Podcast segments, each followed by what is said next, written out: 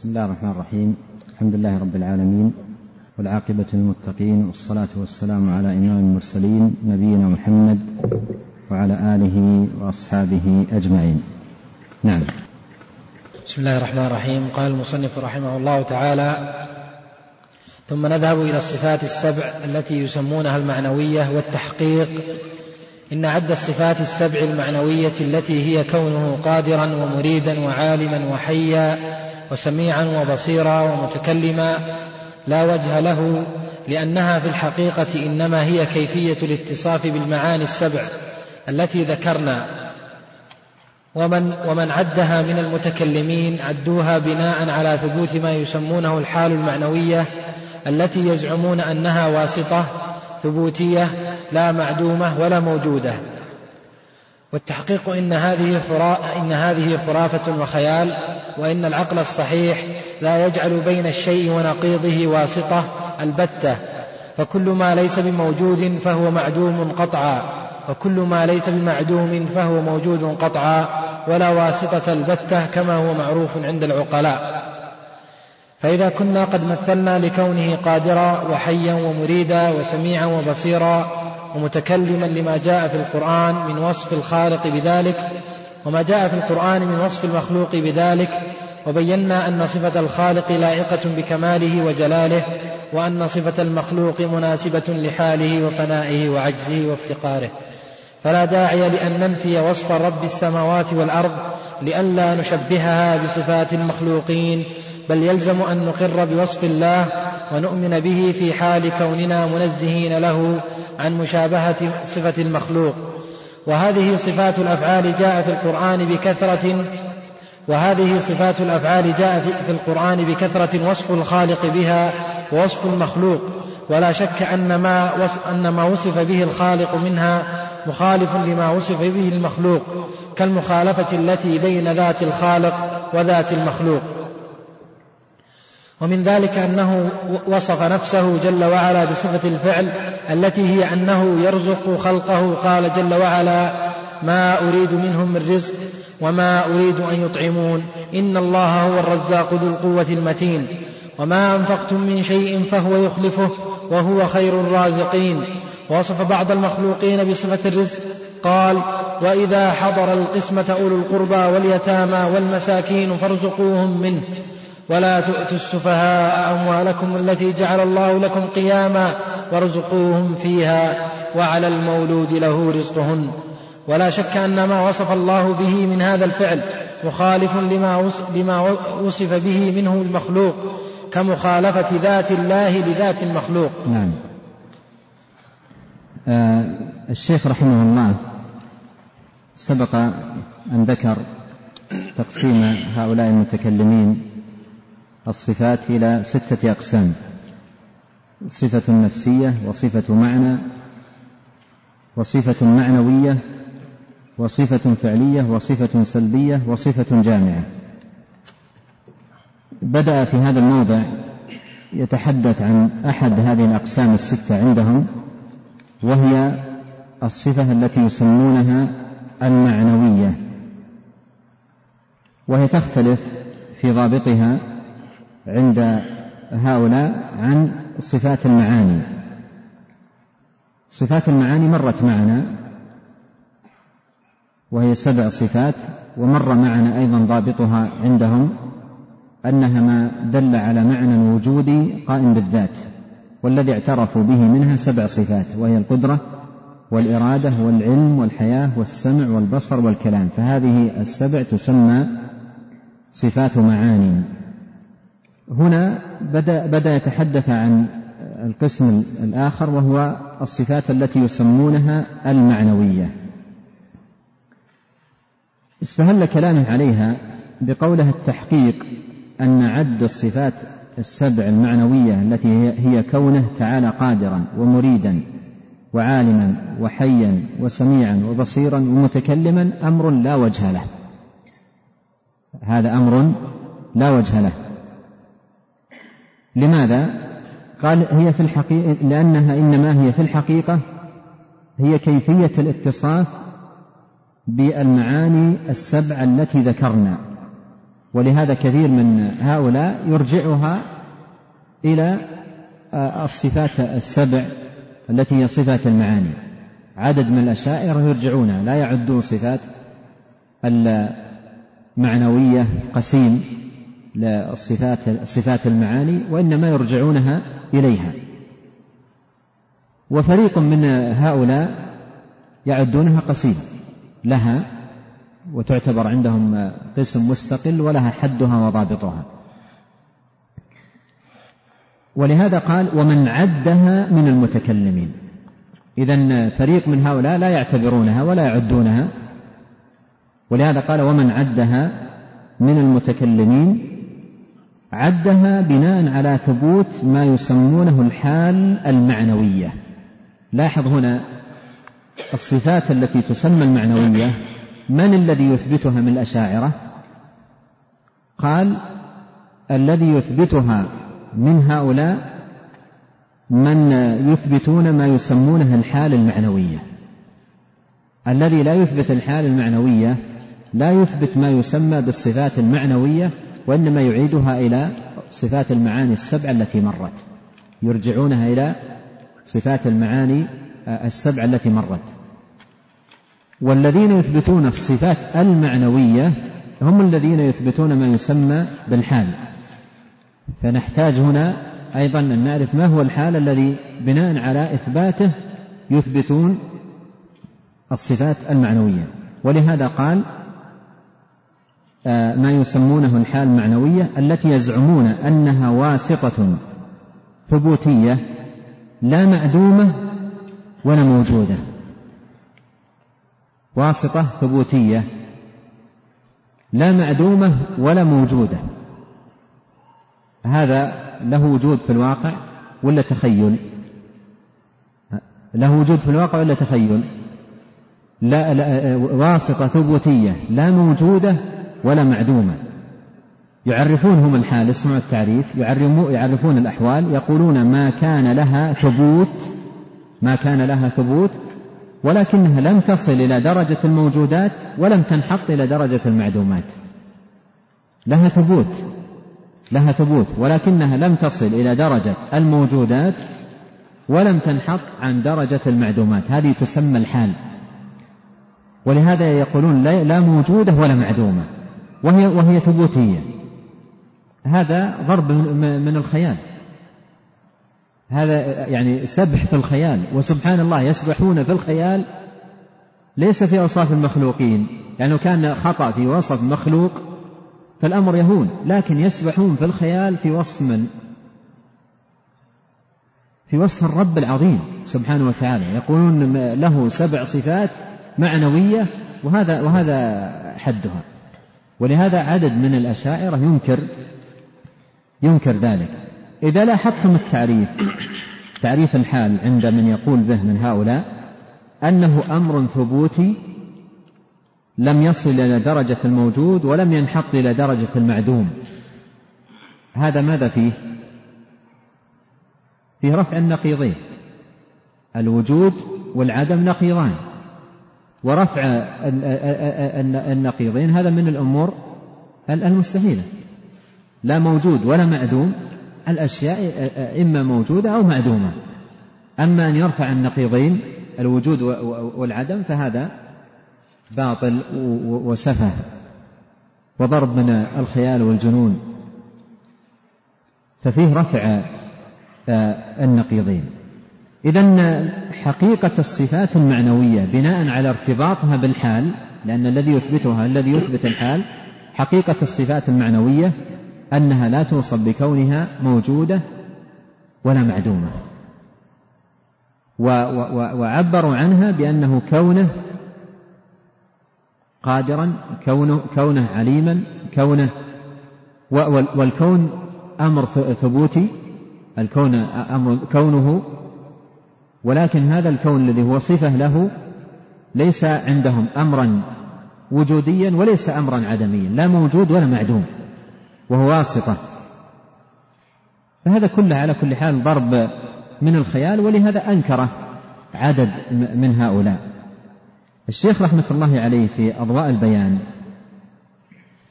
قال كلاما جميلا في هذه المسألة قال والتحقيق الذي لا شك فيه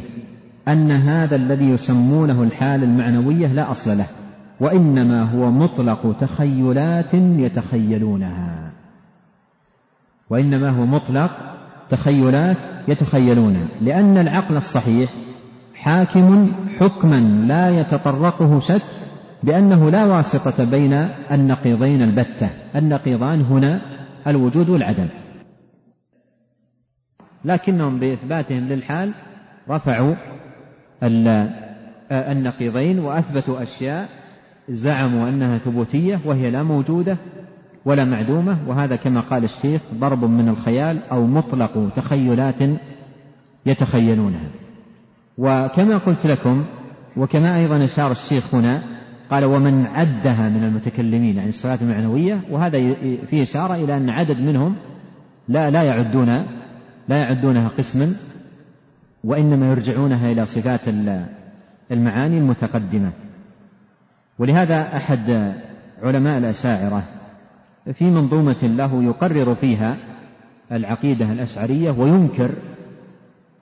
هذا الذي يسمى بالصفات المعنوية فماذا يقول أنا أوردته لأن في خاتمته كلاما جميلا في النقد في كلام جميل في, نقد ما يسمى بالحال من أحد الأشاعرة ماذا يقول يقول والسبع لازمت صفات تسمى بمعنوية إليها تنمى كون الإله عالما قديرا حيا مريدا سامعا بصيرا وذا كلام والمقال حالي بعدها على ثبوت الحال واسطة يعني بعدها واسطة واسطة بين الوجود والعدم هذه هذا تعريف الحال واسطة بين الوجود والعدم ونهجها تسكو الوجا فيه القدم هذا نقد ونهجها يعني إثباتها وسلوك هذا الطريق وسلوك هذا الطريق نهج تشكو الوجا الوجا هو الألم فيه القدم يقول لو مشت القدم في هذا الطريق تشكو ألم يعني طريق مؤلمة ما ليس الطريق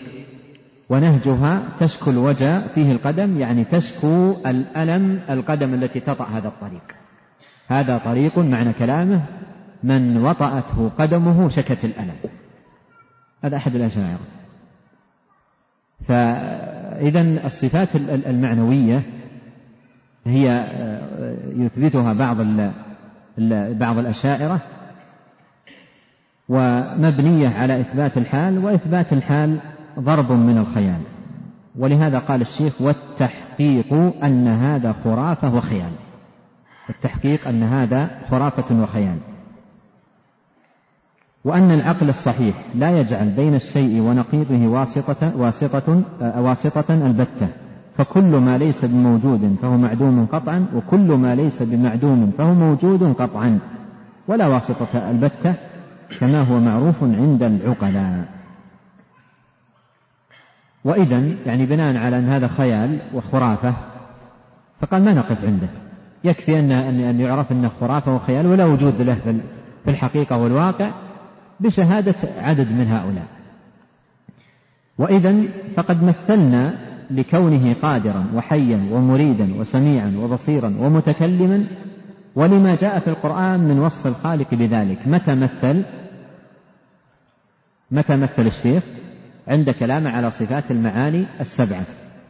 وقلنا أن الصفات المعنوية بعض الأشاعرة لا يثبتها ويرجعها إلى صفات المعاني فيقول الشيخ هذا الذي هو يسمى الصفات المعنوية هذه خرافة مبنية على إثبات الحال والحال هذا خيال لا حقيقة له في الواقع والوجود وإنما تخيل تخيلات يتخيلونها فإذا ما في حاجة نقف هنا وإنما يكفي ما ذكرناه فيما يتعلق بالصفات المعنوية وإذا فقد مثلنا لكونه قادرا وحيا ومريدا وسميعا وبصيرا ومتكلما ولما جاء في القرآن من وصف الخالق بذلك وما جاء في القرآن من وصف المخلوق بذلك وبينا أن صفة الخالق لائقة بكماله وجلاله وأن صفة المخلوق مناسبة مناسبة لحاله وفنائه وعجزه وافتقاره فلا داعي لأن ينفي أو ينفى وصف آه، وصف رب السماوات والأرض عنه آه، ولا نشبهه بصفات المخلوقين بل يلزم أن نقر بوصف الله ونؤمن به في حال كوننا منزهين له عن مشابهة صفة المخلوق آه، المخلوق هنا الشيخ لاحظ معي أنه كثيرا ما يعيدنا للقاعدة التي صدر بها وهي الجمع بين التنزيه وماذا والإثبات ننزه الله عن المشابهة ونصفه بما وصف به نفسه قال فلا داعي لأن ننفي وصف رب السماوات والأرض عنه ولا نشبهه بصفات المخلوقين بل يلزم أن نقر بوصف الله ونؤمن به في حال كوننا منزهين له عن مشابهة صفات صفة المخلوقين ثم انتقل إلى صفة معنى وهو قسم آخر أو صفة آه، صفة فعل أشار إليها فيما سبق قال وصفات فعلية فهذا الآن قسم من الأقسام بدأ الشيخ يتحدث عنه نعم قرأته وصف نفسه جل وعلا بصفة الفعل لا, لا نعم أظن قرأته وهذه الصفات والأفعال هذا الآن يتكلم عن قسم آخر انتهى الآن الكلام على إيش على الصفات المعنوية وبدأ يتكلم بما يسمونه صفات الأفعال صفات الأفعال قال جاء في القرآن بكثرة وصف الخالق بها ووصف المخلوق ولا شك أن ما وصف به الخالق منها أو ما وصف به الخالق منها مخالف لما وصف به المخلوق كل المخالف آه نعم لما وصف به المخلوق كالمخالفة التي بين ذات الخالق وذات المخلوق ثم أخذ يسوق أمثلة كثيرة على صفات الأفعال وصفات الأفعال هي آه، الصفات التي لها تعلق بالمشيئة الصفات التي لها تعلق بالمشيئة ساق أمثلة كثيرة نستمع إليها من أولها نعم وهذه صفات الأفعال جاء في القرآن بكثرة وصف الخالق بها ووصف المخلوق ولا شك أن ما, أن ما, أن ما وصف به الخالق منها مخالف لما وصف به المخلوق كالمخالفة التي بين ذات الخالق وذات المخلوق ومن ذلك أنه وصف نفسه جل وعلا بصفة الفعل التي هي أنه يرزق خلقه قال جل وعلا ما أريد منهم من رزق وما أريد أن يطعمون إن الله هو الرزاق ذو القوة المتين وما أنفقتم من شيء فهو يخلفه وهو خير الرازقين ووصف بعض المخلوقين بصفة الرزق قال وإذا حضر القسمة إضافة آية يبدو أنها ساقطة عندكم قل ما عند الله خير من اللهو ومن التجارة والله خير الرازقين نعم ووصف بعض المخلوقين بصفة الرزق قال وإذا حضر القسمة أولو القربى واليتامى والمساكين فارزقوهم منه ولا تؤتوا السفهاء أموالكم التي جعل الله لكم قياما وارزقوهم فيها وعلى المولود له رزقهن ولا شك أن ما وصف الله به من هذا الفعل مخالف لما وصف به منه المخلوق كمخالفة ذات الله لذات المخلوق ولا شك أن ما وصف الله به من هذا الفعل ولا شك أن ما وصف ما وصف الله به من هذا الفعل مخالف لما وصف به منه المخلوق كمخالفة ذات الله لذات المخلوق وصف نفسه جل وعلا بصفة الفعل الذي هو العمل قال أولم يروا أنا خلقنا لهم مما عملت أيدينا أنعاما فهم لها مالكون وصف المخلوقين بصفة الفعل التي هي العمل قال إنما تجزون ما كنتم تعملون ولا شك أن ما وصف الله به من هذا الفعل مناف لما وصف به المخلوق مخالف له كمخالفة ذات الخالق لذات المخلوق وصف نفسه بأنه يعلم خلقه الرحمن علم القرآن خلق الإنسان علمه البيان اقرأ وربك الأكرم الذي علم بالقلم علم الإنسان ما لم يعلم وعلمك ما لم تكن تعلم وكان فضل الله عليك عظيما وصف بعض خلقه بصفة الفعل التي هي التعليم أيضا قال هو الذي بعث في الأميين رسولا منهم يتلو عليهم آياته ويزكيهم ويعلمهم الكتاب وجمع المثالين في قوله تعلمونهن مما علمكم الله المثالين يعني في وصف المخلوق وصف الخالق تعلمونهن وصف المخلوق ما علمكم الله وصف الخالق وصف نفسه جل وعلا بأنه ينبئ وصف المخلوق بأنه ينبئ وجمع بين الفعل في الأمرين في قوله جل وعلا وإذا سر النبي إلى بعض أزواجه حديثا فلما نبأت به وأظهره الله عليه عرف بعضه وأعرض عن بعض فلما نبأها به قالت من أنبأك هذا قال نبأني العليم الخبير ولا شك أن ما وصف الله به من هذا الفعل مخالف لما وصف به من منه العبد كمخالفة ذات الخالق لذات المخلوق وصف نفسه بصفة الفعل الذي هو الإيتاء قال جل وعلا يؤتي الحكمة من يشاء ويؤتي كل ذي فضل فضله وصف المخلوقين بالفعل الذي هو الإيتاء قال وآتيتم إحداهن قنطارا وآتوا النساء صدقاتهن نحلة ولا شك أن ما وصف الله به من هذا الفعل مخالف لما وصف به العبد من هذا الفعل كمخالفة ذاته لذاته انتهى الآن الشيخ من ذكر جملة من الأمثلة للصفات الفعلية ثم انتقل إلى قسم آخر نعم ثم نتكلم على الصفات الجامعة كالعلو والعظم كالعلو والعظم والكبر والملك والتكبر والكبر والكبر والملك والتكبر والجبروت والعزة والقوة وما جرى مجرى ذلك من الصفات الجامعة فنجد, فنجد الله وصف نفسه بالعلو والكبر والعظم قال في وصف نفسه بالعلو والعظم ولا يؤوده حفظهما وهو العلي العظيم وقال في وصف نفسه بالعلو والكبر ان الله كان عليا كبيرا عالم الغيب والشهاده الكبير المتعال وصف بعض المخلوقين بالعظم قال فانفلق فكان كل فرق كالطود العظيم إنكم لتقولون قولا عظيما ولها عرش عظيم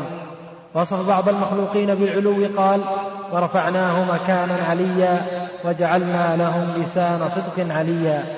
ولا شك أن ما وصف الله به من هذه الصفات الجامعة كالعلو والكبر والعظم مناف لما وصف به المخلوق منها كمخالفة ذات الخالق لذات المخلوق فلا مناسبة بين ذات الخالق والمخلوق كما لا مناسبة بين صفة الخالق والمخلوق وصف نفسه بالملك قال يسبح لله ما في السماوات وما في الأرض الملك القدوس هو الله الذي لا إله إلا هو الملك القدوس في مقعد صدق عند مليك مقتدر ووصف بعض المخلوقين بالملك قال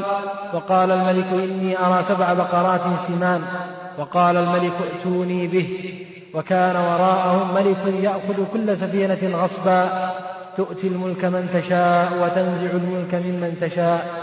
ولا شك أن لله جل وعلا ملكا حقيقيا لائقا بكماله وجلاله كما أن للمخلوقين ملكا مناسبا لحالهم وفنائهم وعجزهم وافتقارهم وصف نفسه بأنه جبار متكبر قال هو الله الذي لا إله إلا هو الملك القدوس إلى قوله الجبار المتكبر وصف بعض المخلوقين بأنه جبار متكبر قال كذلك يطبع الله على كل قلب متكبر جبار وإذا بطشتم بطشتم جبارين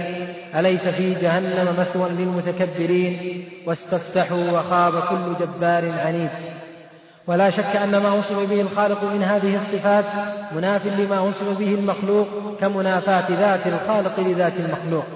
وصف نفسه جل وعلا بالعزة قال إن الله عزيز حكيم أم عنده خزائن رحمة ربك العزيز الوهاب وصف بعض المخلوقين بالعزة قال وقالت امرأة العزيز وعزني في الخطاب وجمع المثالين في قوله ولله العزة ولرسوله وللمؤمنين ولا شك أن ما أن ما وصف به الخالق من هذا الوصف مناف لما وصف به المخلوق كمخالفة ذات الخالق لذات المخلوق ووصف نفسه جل وعلا بالقوة قال ما أريد منهم من رزق وما أريد أن يطعمون إن الله هو الرزاق ذو القوة المتين ولينصرن الله من ينصره إن الله لقوي عزيز ووصف بعض المخلوقين بالقوة قال ويزدكم قوة إلى قوتكم وقال جل وعلا الله الذي خلقكم من ضعف ثم جعل من بعد ضعف قوة وجمع بين المثالين في قوله فأما عاد فاستكبروا في الأرض بغير الحق وقالوا من أشد منا قوة أولم يروا أن الله الذي الذي خلقهم هو أشد منهم قوة وكانوا بآياتنا يجحدون قول الشيخ رحمه الله فيما سبق الصفات الجامعه المراد بالصفات الجامعة التي تجمع صفة تجمع صفات عديدة وترجع إليها صفات عديدة مثل العلو يشمل علو الذات وعلو القدر وعلو القهر العظمة عظمة الله في ذاته وعظمته في صفاته وهكذا ومثل على الصفات الجامعة بأمثلة فيها وصف الله عز وجل بالعلو والكبر والعظمه ونحو ذلك ووصف المخلوق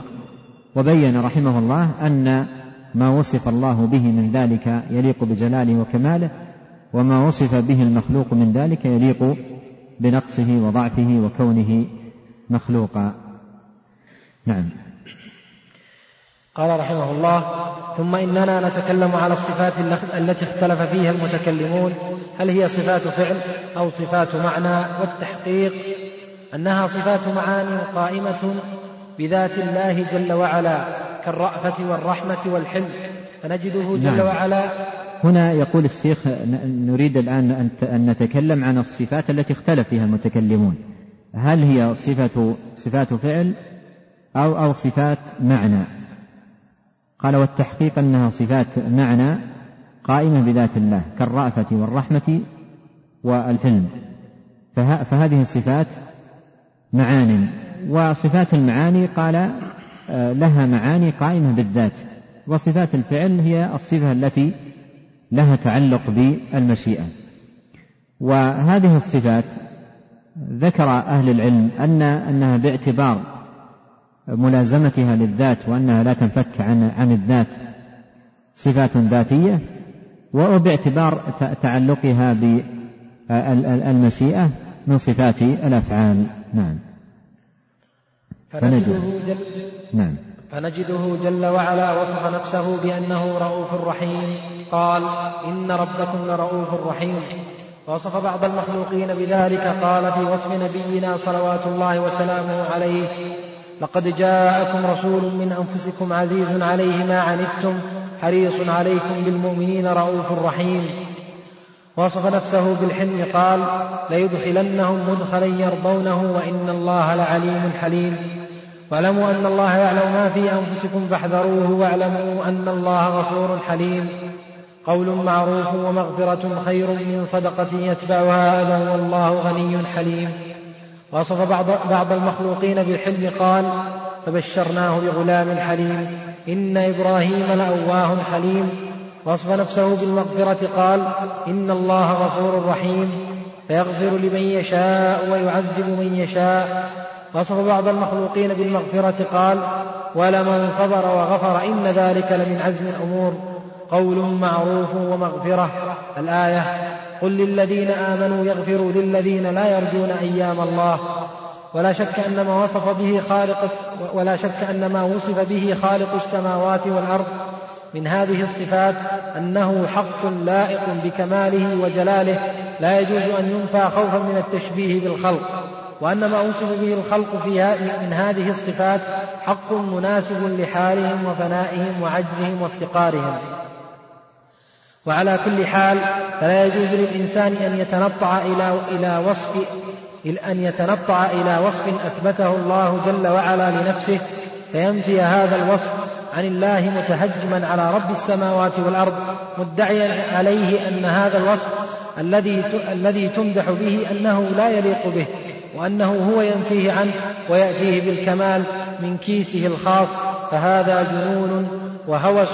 ولا يذهب اليه الا من طمس الله بصائرهم. هذه موعظه وتحذير تنبيه من الشيخ رحمه الله لما ذكر هذه الامثله الكثيره العديده قال على كل حال لا يجوز للإنسان أن يتنطع يعني يتكلف في هذا الباب ويتجرع على الله سبحانه وتعالى فينفي عنه ما أثبته لنفسه وما أثبته له رسوله عليه الصلاة والسلام ثم يخرج من كيسه الخاص أشياء يثبتها لله فهذه جرأة وهوس مثل ما عبر الشيخ ولا يفعله إلا يعني آه، إنسان فيه جنون أو هوس أو مثل هذا وإلا من الذي يتجرأ على رب العالمين ينفي عنه ما أثبت لنفسه وينفي عنه ما أثبته له رسوله عليه الصلاة والسلام ثم من كيسه الخاص يخرج أشياء وكأنه بزعمه يقول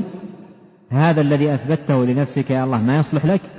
وهذا الذي أثبته له رسولك ما يصلح لك والذي يصلح لك أنا الذي أعرفه هو كذا وكذا هذا لسان حال القوم وإما, وإما صرحوا به لكن هذا لسان الحال هذا الذي أثبته لنفسك ما يصلح ما يليق بك والذي ذكره رسولك في حقك أيضا ما يصلح ما يليق بك الذي يصلح هو هو كذا وكذا يخرجونه من, من ثم إذا أنت النظر وتجد أن الذي أثبتوه هم ورأوا أنه هو الذي يصلح فيه من النقص ما فيه والذي هو صفة الكمال لله جل وعلا يرونه نقصا فبات في أعينهم الحق باطلا والباطل حقا وهذا عمل بصيرة عندما تعمى بصيرة الشخص تتغير عنده المفاهيم فيرى الحق باطلا والباطل حقا وهذا لسان حال هؤلاء الأشياء التي أثبتها الله لا يرونها تصلح وأشياء لا تصلح في حق الله يثبتونها لله ويجعلونها صفة له يعني المثال سيأتي عند عند الشيخ وهو الاستواء وأطال فيه قليلا بذكر الشواهد والدلائل الاستواء أدلته كثيرة في القرآن ويقول ما يصلح ولا يليق بالله إذا ما الذي يصلح إذا كان هذا لا يصلح لله قالوا الاستيلاء استوى على العرش يعني استولى عليه هذا الذي يصلح والاستيلاء لا يليق بالله لأن الاستيلاء كما قال علماء اللغة لا يكون إلا عن مغالبة يتغالب اثنان على شيء والذي يغلب هو الذي استولى عليه فالاستيلاء لا يكون إلا عن مغالبة والله غالب على أمره فكيف يصفونه بالاستيلاء ولله ملك السماوات والأرض فالذي يليق به هو الاستواء ينفونه والذي لا يليق به يثبتونه الآن سيضرب مثال الشيخ يجمع في في هذا الباب نعم قال رحمه الله وسنضرب لكم لهذا مثلا يتبين به الكل لأن مثلا واحدا من آيات الصفات ينسحب على الجميع إذ لا فرق بين الصفات لأن الموصوف بها واحد هذه اعتبرها قاعدة قاعدة في الباب مثال واحد يصلح في الجميع لماذا؟ قال لأن لا فرق بين الصفات الموصوف بها واحد أي أن باب الصفات باب واحد القول في بعض الصفات كالقول في البعض الآخر وهو جل وعلا لا يشبهه شيء من خلقه في شيء من صفاته البته فهذه صفه الاستواء التي كثر فيها الخوض ونفاها كثير من الناس بفلسفه منطقيه وادله جدليه ونفاها كثير من الناس باقيسه يعني في بعض النسخ باقيسه منطقيه وادله جدليه نعم سنتكلم في آخر البحث على وجوه إبطالها كلاما يخص الذين درسوا المنطق والجدل يتبين كيف استدل أولئك بالباطل وأبطلوا به الحق وأحقوا به الباطل فهذه صفة أبطلوا أبطلوا به الحق وأحقوا به الباطل أي الأقيسة المنطقية والأدلة الجدلية وأبطلوا به الحق وأحقوا به الباطل لأنهم بتلك الأقيسة حدث منهم أمران تفريق بين المتماثل وتسوية بين المفترق هذه نتيجة تلك الأقيسة أقيسة عقلية إما يسوون فيها بين المفترق أو يفرقون فيها بين المتماثل ويقول الشيخ أننا في نهاية البحث سنتكلم عن تلك الأقيسة الفاسدة لكن موضوع الحديث الآن عن صفة الاستواء نعم فهذه صفة الاستواء تجرأ الآلاف ممن يدعون الإسلام ونفوها عن رب السماوات والأرض بأدلة منطقية يركبون فيها قياسا استثنائيا مركبا من شرطية متصلة لزومية واستثنائية واستثنائية واستثنائية يستثنون فيها نقيض التالي ينتجون في ينتجون في زعمهم الباطل نقيض المقدم نقيض نعم ينتجون في زعم الباطل نقيض المقدم بناء على نفي اللازم ينتجون في زعمهم الباطل نقيض المقدم بناء على على ان على ان نفي اللازم يقتضي نفي الملزوم فيقولون مثلا لو كان مستويا على عرشه لكان مشابها للخلق لكنه لم يكن مشابها للخلق فينتجون ليس مستويا على العرش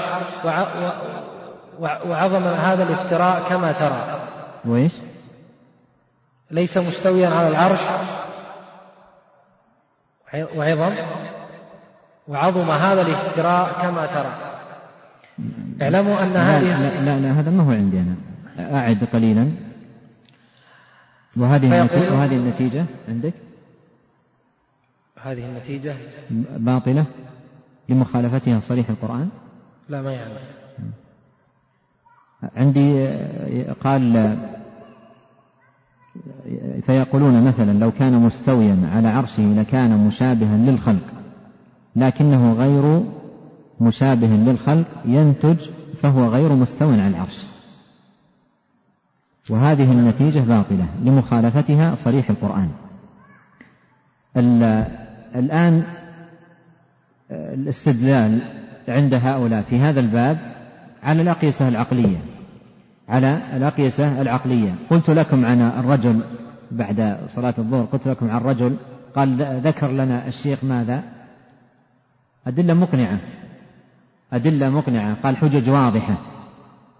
الأشياء المقنعة والحجج الواضحة آه، أقيسة عقلية ويبنون عليها نتائج يأتي لهم بمثل هذا القياس فيقول لطلابه واضح يقول واضح مسلم يقولون مسلم النتيجة الله لم يستوى العرش تهدر الآيات تهدر الآيات بناء على أقيسة هم وضعوها فأصبحت الأقيسة هذه هي الدليل وكلام الله عز وجل وكلام رسوله صلى الله عليه وسلم يلغى ويهدر بمثل هذه الأقيسة فهنا نوع من الأقيسة التي آه، أعملوها في باب الأسماء والصفات القياس الاستثنائي يقول الشيخ مركب من شرطية متصلة لزومية يستثنون فيها نقيض التالي ينتجون في زعمهم الباطل نقيض المقدم بناء على أن نفي اللازم يقتضي نفي المنزوم هذا يتضح بالمثال الذي ذكره الشيخ المثال لو كان مستويا على العرش هذه مقدمة لو كان مستويا على العرش لكان مشابها للخلق لو كان مستويا على العرش لكان مشابها للخلق لكن الله غير مشابه للخلق لاحظ لو كان مستويا على العرش حقيقة لكان مشابها للخلق ولكن الله غير مشابه للخلق ايش ايش النتيجة التي تحصل؟ تعطيل نفي أن الله سبحانه وتعالى مستوي على العرش لو كان لله يد حقيقة للزم أن تكون يده كيد المخلوق والله عز وجل لا مثل له منزه عن مشابهة المخلوق النتيجة ليس لله يد ومشوا على الصفات صفة صفة بهذه المقدمة وبهذه النتيجة ونفي مع أن اللازم الذي ذكروه اللازم الذي ذكروه ليس بلازم إلا في عقولهم الفاسدة لو كان مستوى على العرش لكان مشابها للخلق هذا اللازم الآن الذي ذكروه وبنوا عليه النفي هل هو من حيث الواقع له وجود فمقدمة كاذبة مبني عليها عقيدة فاسدة لازم ليس بموجود أصلا لو كان مستوى على العرش للزم أو لكان مشابها للخلق هذا غير صحيح هذا الكلام غير صحيح إلا في من تلوث ذهنه وفكره وقلبه بالتشبيه من تلوث بالتشبيه فهذا الأمر عنده صحيح بسبب لوثة التشبيه التي آه، ابتلي بها أما صاحب السنة فهذه اللوثة هو بريء منها ولو كان عندهم قوم يعقلون وقالوا لهم آه، لو كان الله مستوى على العرش لكان مشابها للخالق للخلق يقول له لا قف ما يلزم ما يلزم لماذا؟ لأن الاستواء على العرش المضاف إلى الله سبحانه وتعالى يخصه والذي يضاف إلى الله عز وجل يلزمه الكمال لا يلزمه النقص الذي يضاف إلى الله يلزمه الكمال لأن ما يضاف إلى الكامل يلزمه الكمال وما يضاف إلى المخلوق يلزمه النقص وهؤلاء حدث عندهم خلط في اللوازم باعتبارات الصفة العلماء يقولون الصفة لها ثلاث اعتبارات اعتبار من حيث الإطلاق الاستواء بقطع النظر عن إضافته إلى المخلوق أو إضافته إلى الخالق والاعتبار الثاني باعتبار إضافة الصفة إلى الخالق والاعتبار الثالث باعتبار إضافة الصفة إلى المخلوق ولا تخلط الأوراق هنا ما يجعل الذي يلزم الصفة باعتبار إضافتها إلى المخلوق لازما للصفة باعتبار إضافتها إلى الخالق أمثل الله جل وعلا قال في القرآن لتستووا على ظهوره الذي جعل لكم من الفلك والأنعام ما تركبون ثم قال لتستووا على ظهوره تستووا على ظهور ماذا على ظهور الفلك وظهور الأنعام لتستووا على ظهوره ثم تذكروا نعمة ربكم إذا استويتم عليه هذا الاستواء الذي يكون من المخلوق على ظهر الفلك وعلى ظهر الأنعام استواء عن حاجة استواء عن حاجة ولو سقطت لو غرقت الفلك غرق ولو سقطت الدابة سقط لأنه استواء عن حاجة وهذا هو الاستوى الذي يعقل في, في, في حق من؟ في حق المخلوق لو جاء شخص وهذا يقولون في كتبهم يقوله المتكلمون ويبنون عليه إنكار الاستواء لو جاء شخص وقال يلزم وانظروا هذا الكلام فيما ذكر الشيخ عنهم هنا لو قال شخص يلزم من إثبات الاستواء لله حقيقة أن يكون الله محتاج للعرش وهذا قالوه بحروفه في كتبهم يلزم من استواء الله على العرش حقيقة أن يكون الله محتاجا إلى العرش ماذا تقول له أي شيء تقول له تقول له هذا اللازم الذي ذكرته هو لازم الصفة باعتبار إضافتها إلى من؟ إلى المخلوق هو لازم الصفة باعتبار إضافتها المخلوق وما يلزم الصفة باعتبار إضافتها إلى المخلوق رب العالمين منزه عنه نعطيهم مثال في صفة يثبتونها الحياة حياة المخلوق ما الذي يلزمها عدم سابق وفناء لاحق وأمراض ونوم إلى آخره لو قال لهم قائل يلزمكم في إثبات الحياة أن تثبتوا هذه اللوازم لحياة الخالق إيش يقولون هم يثبتون الحياة وينفون الاستواء لو قال لهم قائل يلزمكم في إثبات الحياة أن تثبتوا هذه اللوازم التي تلزم حياة المخلوق تلزم حياة المخلوق مسبوقة بعدم آه، يلحقها فناء يعتريها مرض يعتريها النوم السنة النعاس الموت إلى آخره فلو قال لهم قائل يلزمكم ذلك أي شيء يقولون له أنا أخبركم يقول له قف عند حدك يقول وين رايح قف عند حدك هذه لوازم صفة المخلوق هكذا يقولون هذه لوازم صفة المخلوق والحياة التي نثبتها نحن حياة من؟ الخالق واللوازم التي تلزم حياة المخلوق لا تلزم حياة الخالق فحينئذ ماذا تقول له؟ الباب واحد اللوازم التي أنت نفيت بها صفة الاستواء لوازم من؟ لوازم صفة المخلوق فلماذا جعلتها لوازم لصفة الخالق ثم بنيت عليها نفي الصفة الباب واحد الحياة الاستواء كلها صفات الباب فيها واحد فإذا هذه مسألة ينبغي أن ينتبه لها مسألة اللوازم لازم الصفة عندما تضاف إلى الله هو الكمال ولازم الصفة عندما تضاف إلى المخلوق هو النقص وأنها تليق به فلا يصح بحال أن يجعل لازم الصفة باعتبار إضافتها إلى المخلوق لازما للصفة باعتبار إضافتها للخالق وكذلك العكس وكذلك العكس لا يجوز أن يجعل لازم الصفة باعتبار إضافتها إلى الخالق لازما للصفة باعتبار إضافتها إلى المخلوق ولذا قال العلماء التشبيه نوعان تشبيه للخالق بالمخلوق وتشبيه للمخلوق بالخالق متى يكون هذا ومتى يكون هذا عندما يجعل لازم الصفة باعتبار إضافتها للخالق لازما للصفة باعتبار إضافتها للمخلوق فهذا تشبيه للمخلوق بالخالق وعندما يجعل لازم الصفة باعتبار إضافتها إلى المخلوق لازما للصفة باعتبار إضافتها الخالق فهذا تشبيه للخالق بالمخلوق وكل من التشبيهين باطل وسببه الخلط في اللوازم ولكن عندما يعطى كل ذي حق حقه عندما يعطى كل ذي حق حقه ويخرج الإنسان من هذا الخلط الذي وقع فيه هؤلاء ويثبت لله صفاته على الوجه اللائق به ويثبت للمخلوق صفاته على الوجه الذي يليق به خرج من الإشكالات كلها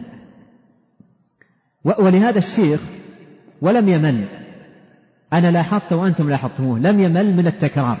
يمكن كررها فيما مر معنا أكثر من عشرين مرة وما وصف الله به من ذلك يخص ويليق به وما وصف به المخلوق من ذلك يناسب حاله وضعفه وفقره هذه تكررت عند الشيخ قرابة عشرين مرة لم يمل من تكرارها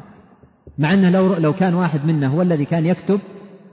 يمكن يجيبه مرة أو مرتين أو ثلاث ثم يمل من التكرار الشيخ لم يمل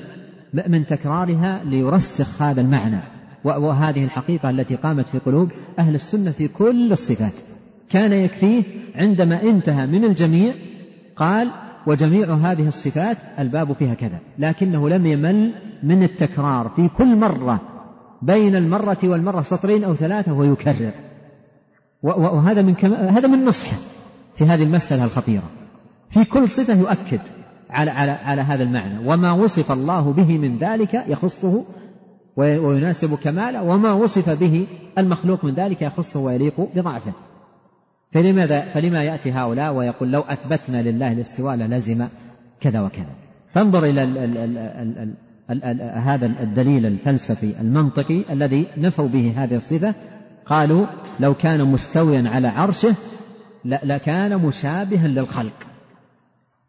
أنت استوقفه هنا أنت هنا استوقف بالمثال الذي ضربته لك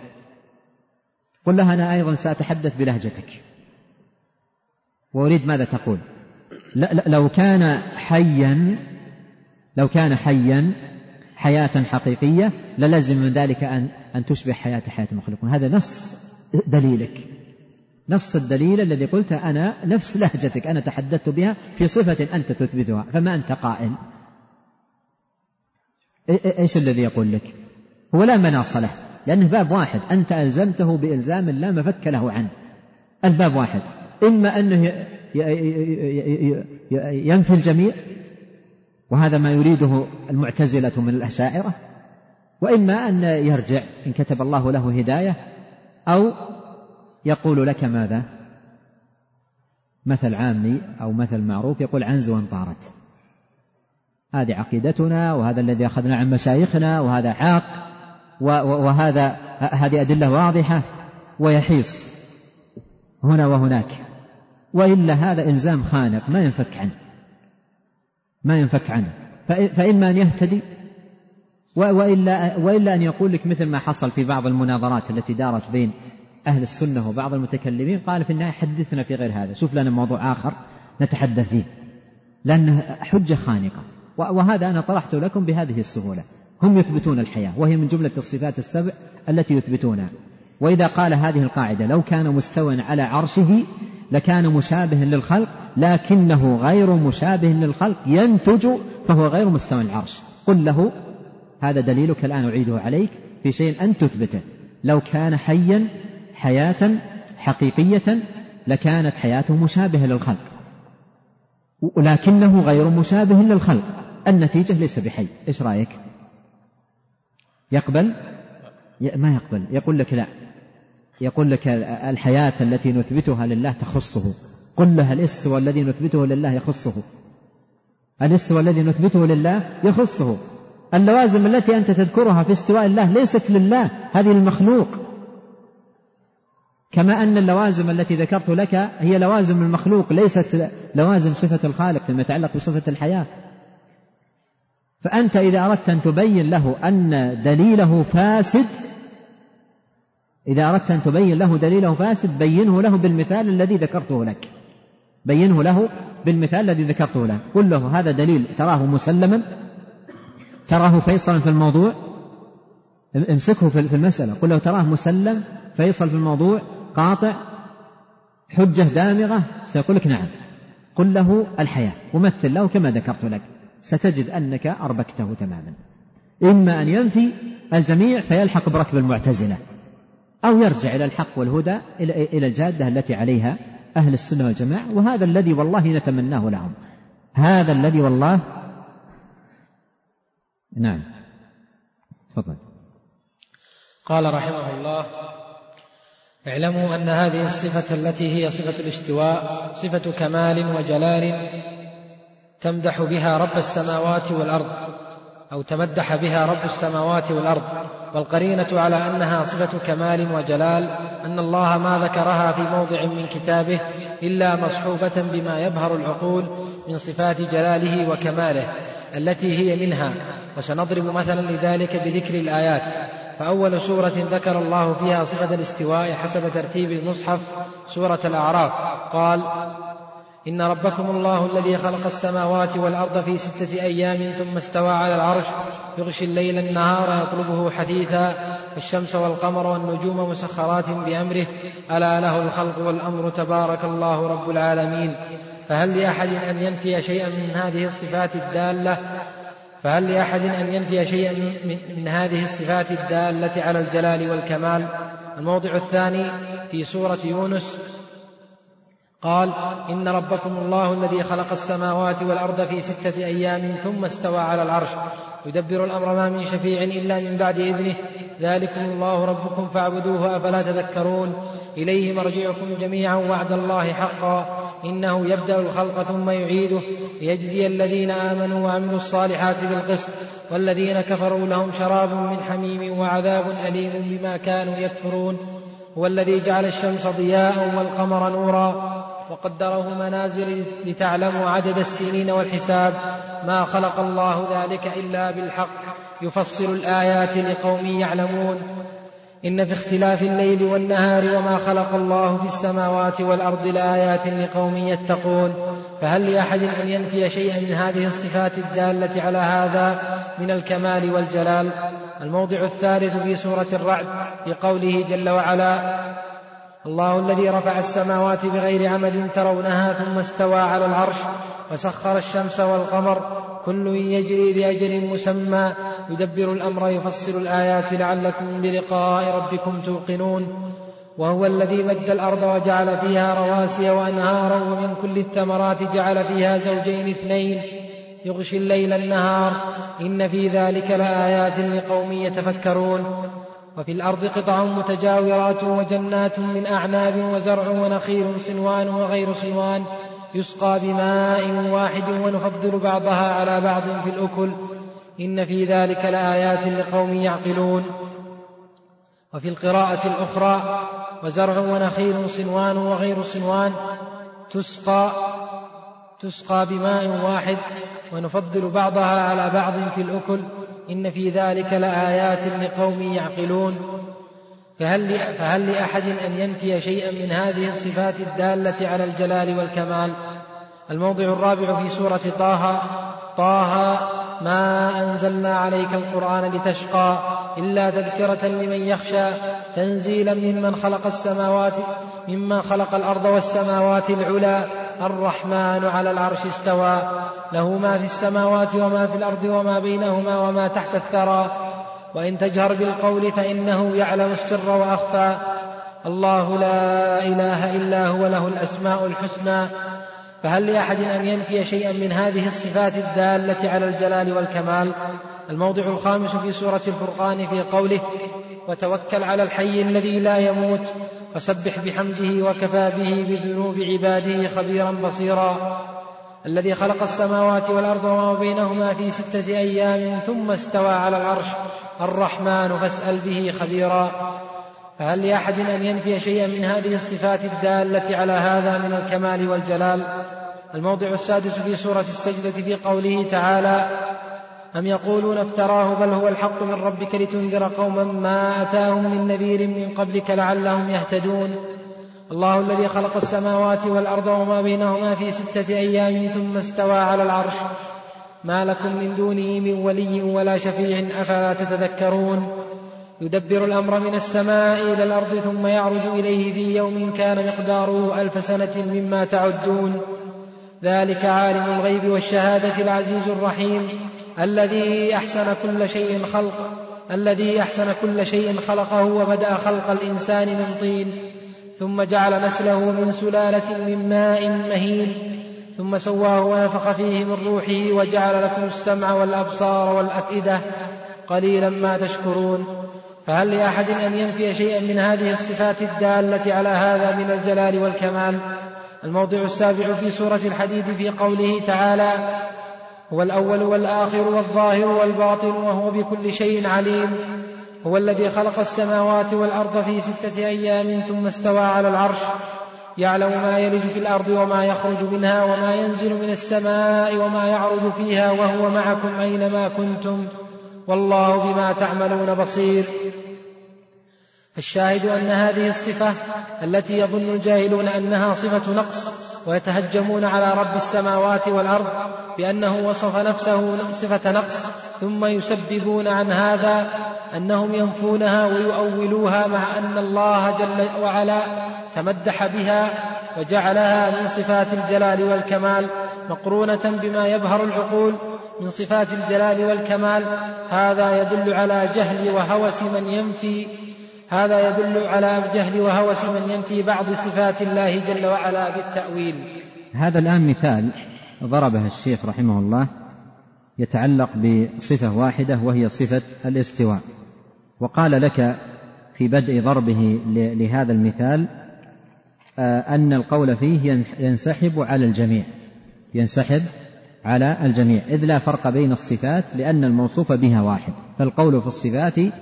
في بعض الصفات كالقول في البعض الآخر فذكر الشيخ أن هؤلاء آه، المتكلمين ينكرون هذه الصفة بقياس عقلي ذكره وذكر النتيجة التي بنوها على هذا القياس وهي نفي هذه الصفة ثم ساق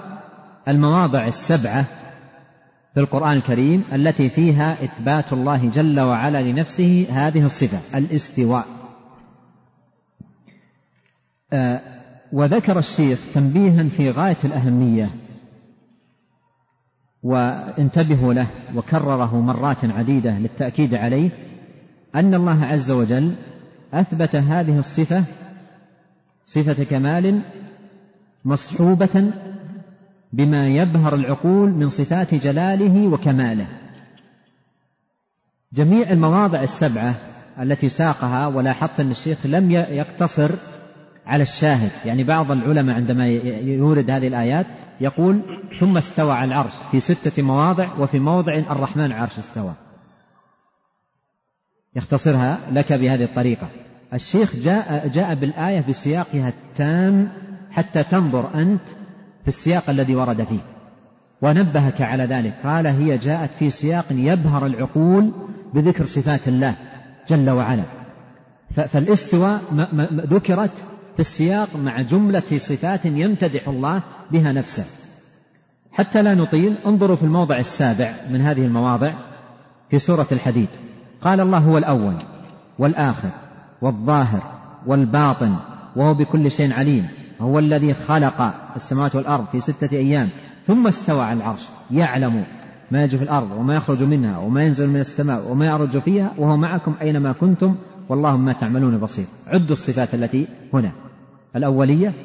الآخرية الظاهر الباطن العلم الخلق الاستواء العلم مرة أخرى البصر كلها في في سياق واحد يمدح الله نفسه في في جملة ما مدح الله به نفسه في هذا السياق ماذا والمعية في جملة ما مدح الله به نفسه في هذا السياق الاستواء جاء الأشاعرة في هذا الموضع ووقفت نفوسهم وغيرهم من المتكلمين وقالوا الاستواء ما يصلح وفي جميع المواضع يعدد الله جملة صفات من بينها يمدح نفسه سبحانه وتعالى ويثني على نفسه بالاستواء بهذا الحرف استوى ثم وقفت نفوسهم هنا قالوا ما يصلح الاستواء له لماذا لا يصلح له للدليل المنطقي المتقدم قبل قليل الاستواء لا يصلح له لماذا للدليل المنطقي لو كان مستوى على العرش لكان ايش مشابه المخلوقات والله غير مشابه المخلوقات فالاستواء آه، في حقه منفي لا يليق به طيب استوى ايش معناها قالوا استولى ما معنى استوى قالوا استولى طيب ننظر في دليلكم الآن استولى أيحدث بين مخلوق ومخلوق استيلة ولا لا هذا الوصف يقع بين مخلوق ومخلوق يستوي مخلوق ومخلوق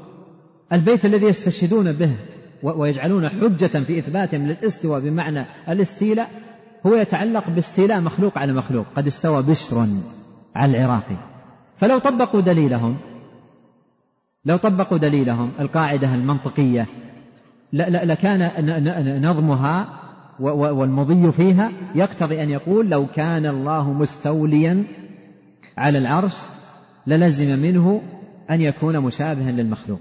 لأن المخلوق يحصل يحصل منه استيلة يحصل منه استيلة لكن إذا إذا إذا نازعته في هذا ماذا يقول لك؟ يقول لك لا ما نشبه استواء استيلاء المخلوق باستيلاء الخالق هذا يخصه وهنا لماذا عرفتم الفساد اللي عندهم ولا لا الآن فروا من إثبات الاستواء بالقاعدة المتقدمة قالوا لو كان مستويا على عرشه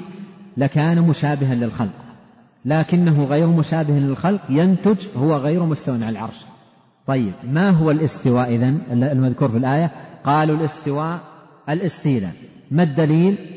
فتشوا في, في الكتب ما وجدوا إلا بيت واحد قد استوى بشر على العراق طيب قولوا لهم بشر هذا استوى على العراق يعني استولى عليه استوى على العراق استولى عليه هذا وصف للمخلوق وأنتم الآن شبهتم الخالق بالمخلوق فما, فما يلزمكم في نفي الاستواء يلزمكم في نفي الاستيلة بل الاستيلة ما يليق بالله ولا يصلح أن يكون وصفا له لأنه كما قال بعض أئمة اللغة الاستيلة لا يكون إلا عن مغالبة مغالبة بين اثنين فالغالب منهما هو المستولي والله عز وجل لا غالب له الله غالب على أمره الكل في ملكه وطوع تدبيره وتسخيره ولا مغالب له سبحانه وتعالى فالاستيلاء ما يصلح أن يوصف به رب العالمين سبحانه وتعالى فالشاهد الشيخ هنا ينبه على معنى جميل قال إن ذكر الله للاستواء وصفا له جاء في سياق مدح الرب لنفسه بأوصاف عديدة تبهر العقول فلما يأتي هؤلاء ويتسلطون على على هذه الصفة في هذا السياق الذي يمدح الله به نفسه ثم يقفون عندها ويقول هذا ما يصلح لله وإذا طبقت قاعدتهم في الصفات كلها تنفى كلها والتفرقة بين بعض الصفات وبعض تفريق بين المتماثلات ولهذا لم يمل الشيخ عقب كل واحدة من هذه المواضع السبعة قال فهل لأحد أن ينفي شيئا من هذه الصفات الدالة على الجلال والكمال كل ما انتهى من موضع من هذه المواضع نبه على هذه القضية يعني يقول لك الشيخ هذا موضع مدح يمدح الله نفسه بصفات كثيرة من بينها استواءه على العرش فما الذي جرأ هؤلاء في هذه المواضع السبعة أن يأخذوا هذه الصفة بعينها ويشتغلون بجحدها وإبطالها بتوسع كبير في كتبهم وكله مبني على مثل هذه الأدلة العقلية قال فالشاهد أن هذه الصفة التي يظن الجاهلون أنها صفة نقص يعني صفة الاستواء ويتهجمون على رب السماوات والأرض بأنه وصف نفسه صفة نقص ثم يسببون عن هذا أن ينفوها عنه ويؤولوها مع أن الله جل وعلا تمدح بها وجعلها من صفات الجلال والكمال مقرونة بما يبهر من صفات الجلال والكمال هذا يدل على جهل وهوس من ينفي بعض صفات الله جل وعلا بالتأويل ثم آه، دخل في الكلام على التأويل وبيان الفاسد منه والصحيح نعم. قال رحمه الله ثم اعلموا أن هذا الشيء الذي يقال له التأويل الذي فتن به الخلق وضل به الآلاف من هذه الأمة اعلموا أن التأويل يطلق مشتركا بين ثلاثة معان يطلق في الاصطلاح يطلق في الاصطلاح يطلق في الاصطلاح مشتركا بين ثلاثة معان معاني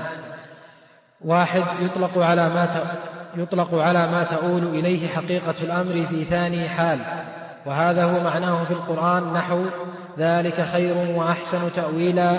ولما يأتهم تأويله كذلك كذب الذين من قبلهم الآية هل ينظرون إلا تأويله يوم يأتي تأويله يقول الذين نسوه من قبل ومعنى التأويل في هذه الآيات المذكورة ما تؤول إليه حقيقة الأمر في ثاني حال الثاني ويطلق التأويل بمعنى التفسير وهذا قول هذا قول معروف كقول ابن جرير كقول ابن جرير القول في تأويل قوله تعالى كذا أي تفسيره كذا الثالث أما في اصطلاح الأصوليين فالتأويل هو صرف اللفظ عن ظاهره فهو صرف هو هو صرف اللفظ عن ظاهره المتبادر منه إلى محتمل مرجوح لدليل طيب الآن الشيخ تطرق إلى التأويل والتأويل سبب تطرق الشيخ له هنا في هذا المقام أنه مطية أهل البدع في نفي الصفات مطية أهل البدع في نفي الصفات ركوب هذه المطية مطية التأويل ينفون آه، الصفات بتأويلها إلى معاني أخرى ويزعمون أن الظاهر ظاهر اللفظ غير مراد وأنها مؤولة إلى كذا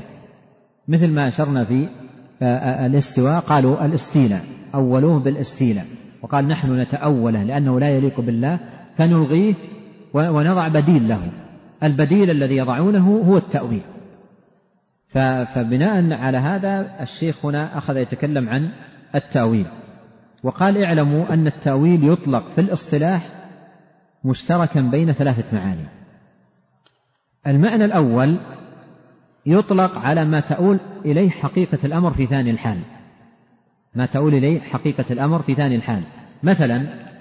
آه، قول الله عز وجل لنبيه وسبح آه، إذا جاء نصر الله الفتح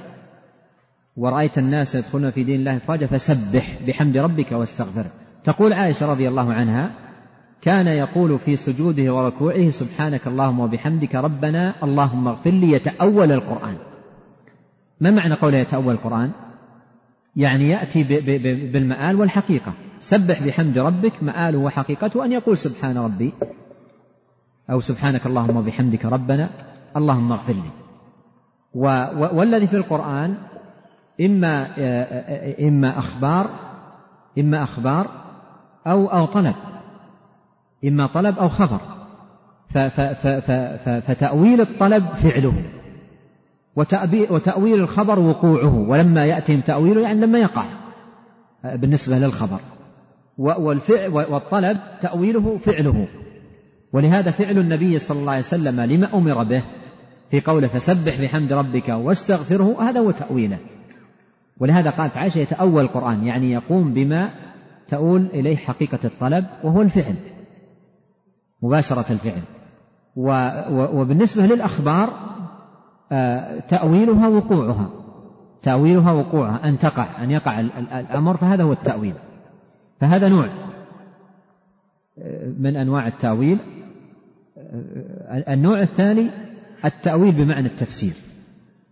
التأويل بمعنى التفسير تأويل ولهذا قال النبي صلى الله عليه وسلم في حق ابن عباس اللهم علمه أفقهه في الدين وعلمه التأويل وقال أنا من الراسخين في العلم الذين يعلمون تأويله أي تفسيره فهذا من إطلاقاته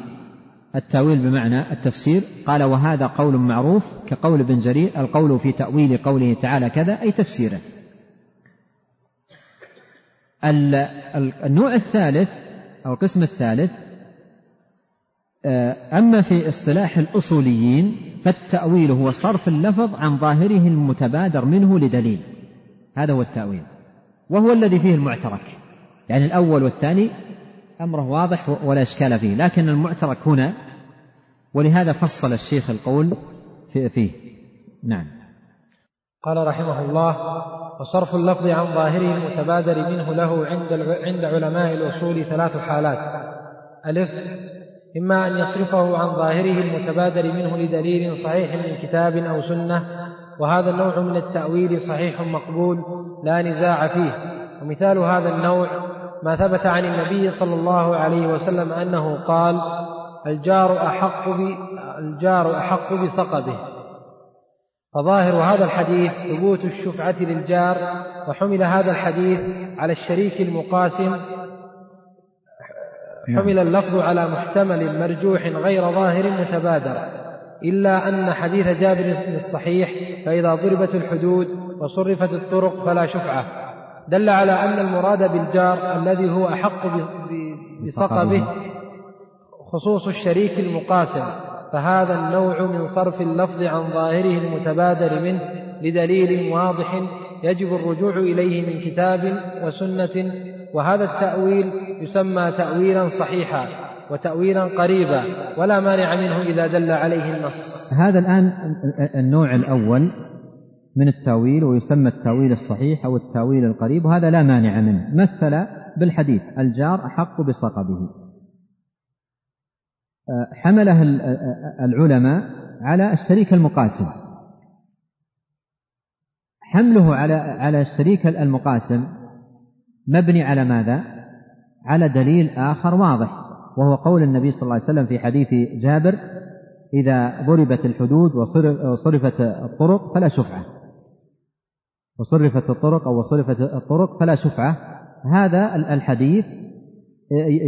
فيه دلالة على أن المراد هناك في في حديث الجار أحق بصقبه هو الشريك المقاسم دون الجار دون الجار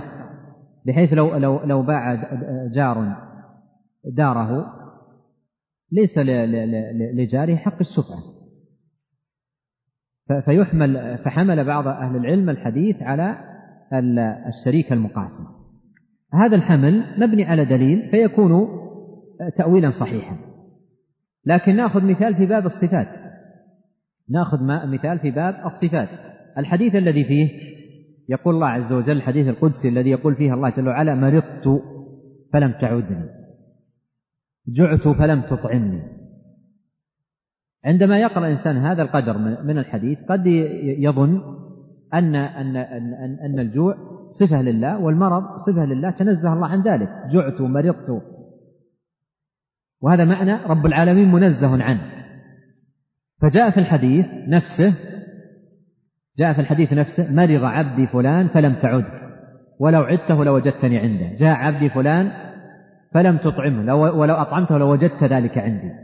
ولهذا أخذ العلماء من ذلك فائدة عظيمة جدا أن ظاهر النصوص نصوص الصفات لو كان غير مراد لجاء البيان حالا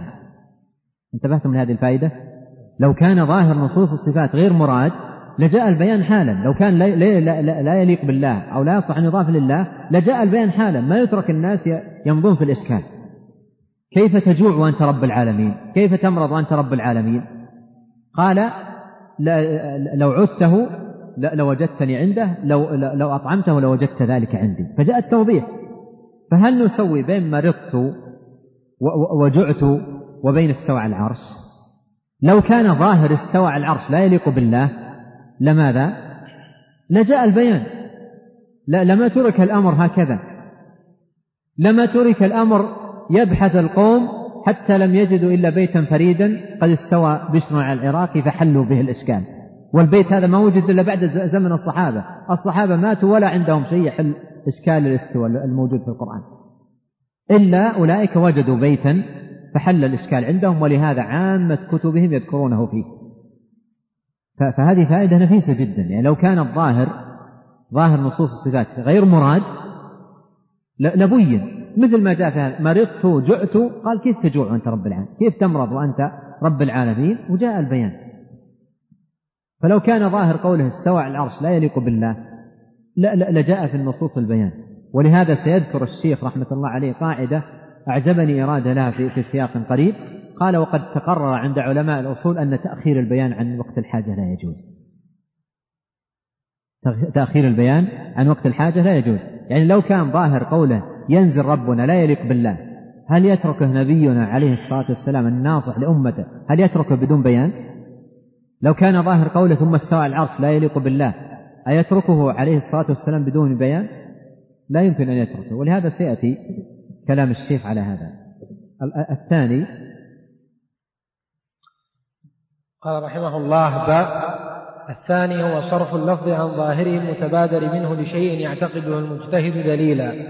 وهو في نفس الأمر ليس بدليل فهذا يسمى تأويلا بعيدا ويقال له فاسد ومثل له بعض العلماء بتأويل الإمام أبي حنيفة رحمه الله لفظ امرأة في قوله صلى الله عليه وسلم أيما امرأة نك نكحت بغير إذن وليها فنكاحها باطل باطل قالوا حمل هذا على خصوص المكاتبة تأويل بعيد لأنه صرف اللفظ عن ظاهره المتبادر منه لأن أي في قوله أي امرأة صيغة عموم وأكدت صيغة العموم وأكدت صيغة العموم بماء المزيدة للتوكيد فحمل هذا على صورة نادرة فحمل هذا على صورة نادرة هي المكاتبة وحمل اللفظ على غير ظاهره حمل لللفظ على غير ظاهره حمل لللفظ حمل اللفظ على غير ظاهره لغير دليل جازم يجب الرجوع إليه هذا مثال للتاويل البعيد أو التاويل الفاسد قال مثل له العلماء بالتاويل الذي ينسب أو ينقل عن أبي حنيفة أنه قال في قول أيما امرأة المراد بالمرأة المكاتبة فهذا تاويل لا دليل عليه فهو تأويل بعيد تأويل بعيد النوع الثالث قال رحمه الله جيم إما حمل اللفظ أما, أما حمل اللفظ على غير ظاهره لا لدليل فهذا لا يسمى تأويلا في الاصطلاح بل يسمى لعبا لأنه تلاعب بكتاب الله وسنة نبيه صلى الله عليه وسلم ومن هذا تفسير غلاة الروافض قوله تعالى إن الله يأمركم أن تذبحوا بقرة قالوا عائشة هذا لعب هذا هذا لعب يعني تأويل باطل فاسد سقيم من قلوب ممرضة ولا دليل عليه إلا الهوى الذي أو المرض الذي ملأ القلوب فهذا تأويل فاسد باطل وهو نوع من اللعب ومن هذا النوع صرف آيات الصفات عن ظواهرها إلى محتملات ما أنزل الله بها من سلطان كقولهم استوى بمعنى استولى فهذا لا يدخل في اسم التأويل لأنه لا دليل عليه البتة وإنما يسمى في اصطلاح أهل الأصول لعبا هذا يسمى في اصطلاح أهل الأصول لعبا وهذه الكلمة يعني ينبغي أن تفهم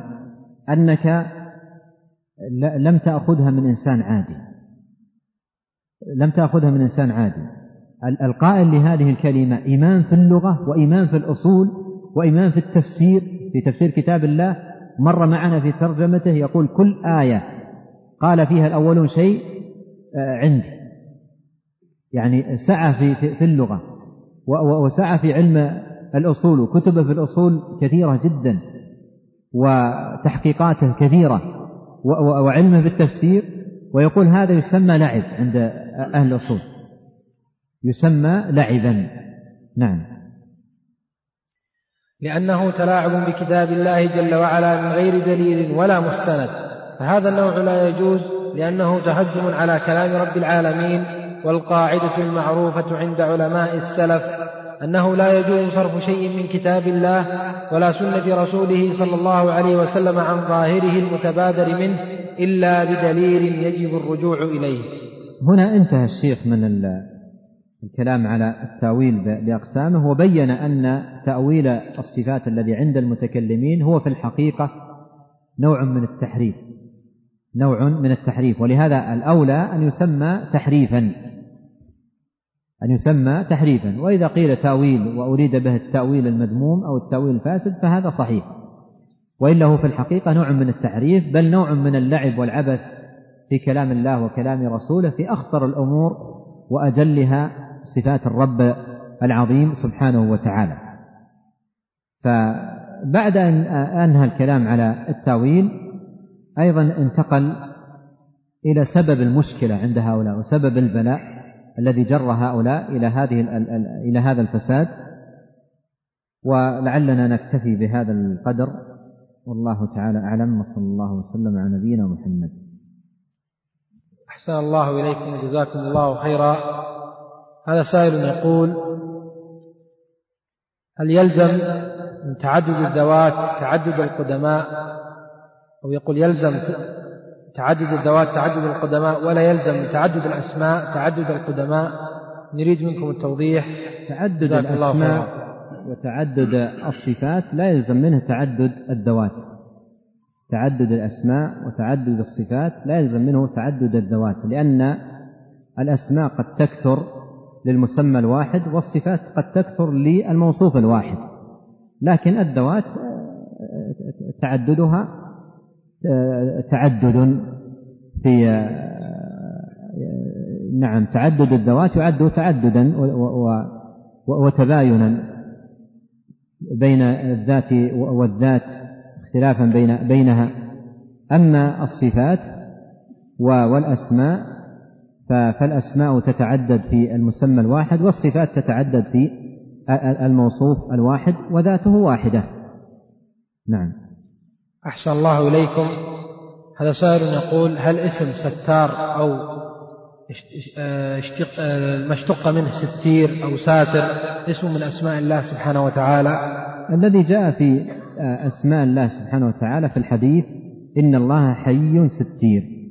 إن الله حي ستير هذا الذي ثبت في الحديث اسما لله وبعض أهل العلم يتوسع في هذا الباب فيعد بناء على هذا الستار اسما من أسمائه نعم أحسن الله إليكم هذا سائل يقول هل باب الأفعال أوسع من باب الصفات ولماذا جزاكم الله خيرا باب الأفعال أوسع لأن أفعال الله عز وجل كثيرة أفعال أفعال الله عز وجل كثيرة وعديدة ولهذا ترى في, في, في القرآن ومر معنا نماذج كثيرة في في أفعاله سبحانه وتعالى وهي ترجع إلى صفاته ترجع إلى الرزق ترجع إلى الخلق ترجع إلى الملك ونحو ذلك من صفات الله عز وجل نعم أحسن الله إليكم هذا سائل يقول ما مدى صحة هذا القول ما خطر في بالك فالله خلاف ذلك فالله خلاف ذلك صحيح هذا ما خطر في بالك فالله أعظم من ذلك كل ما يخطر في في في بالك من الكمال والجلال والعظمة والكبرياء فالله أعظم من ذلك لأن صفته لا تخطر في البال ولا يمكن أن يصل إليها الخيال ونكتفي بهذا والله تعالى اعلم وصلى الله وسلم على نبينا محمد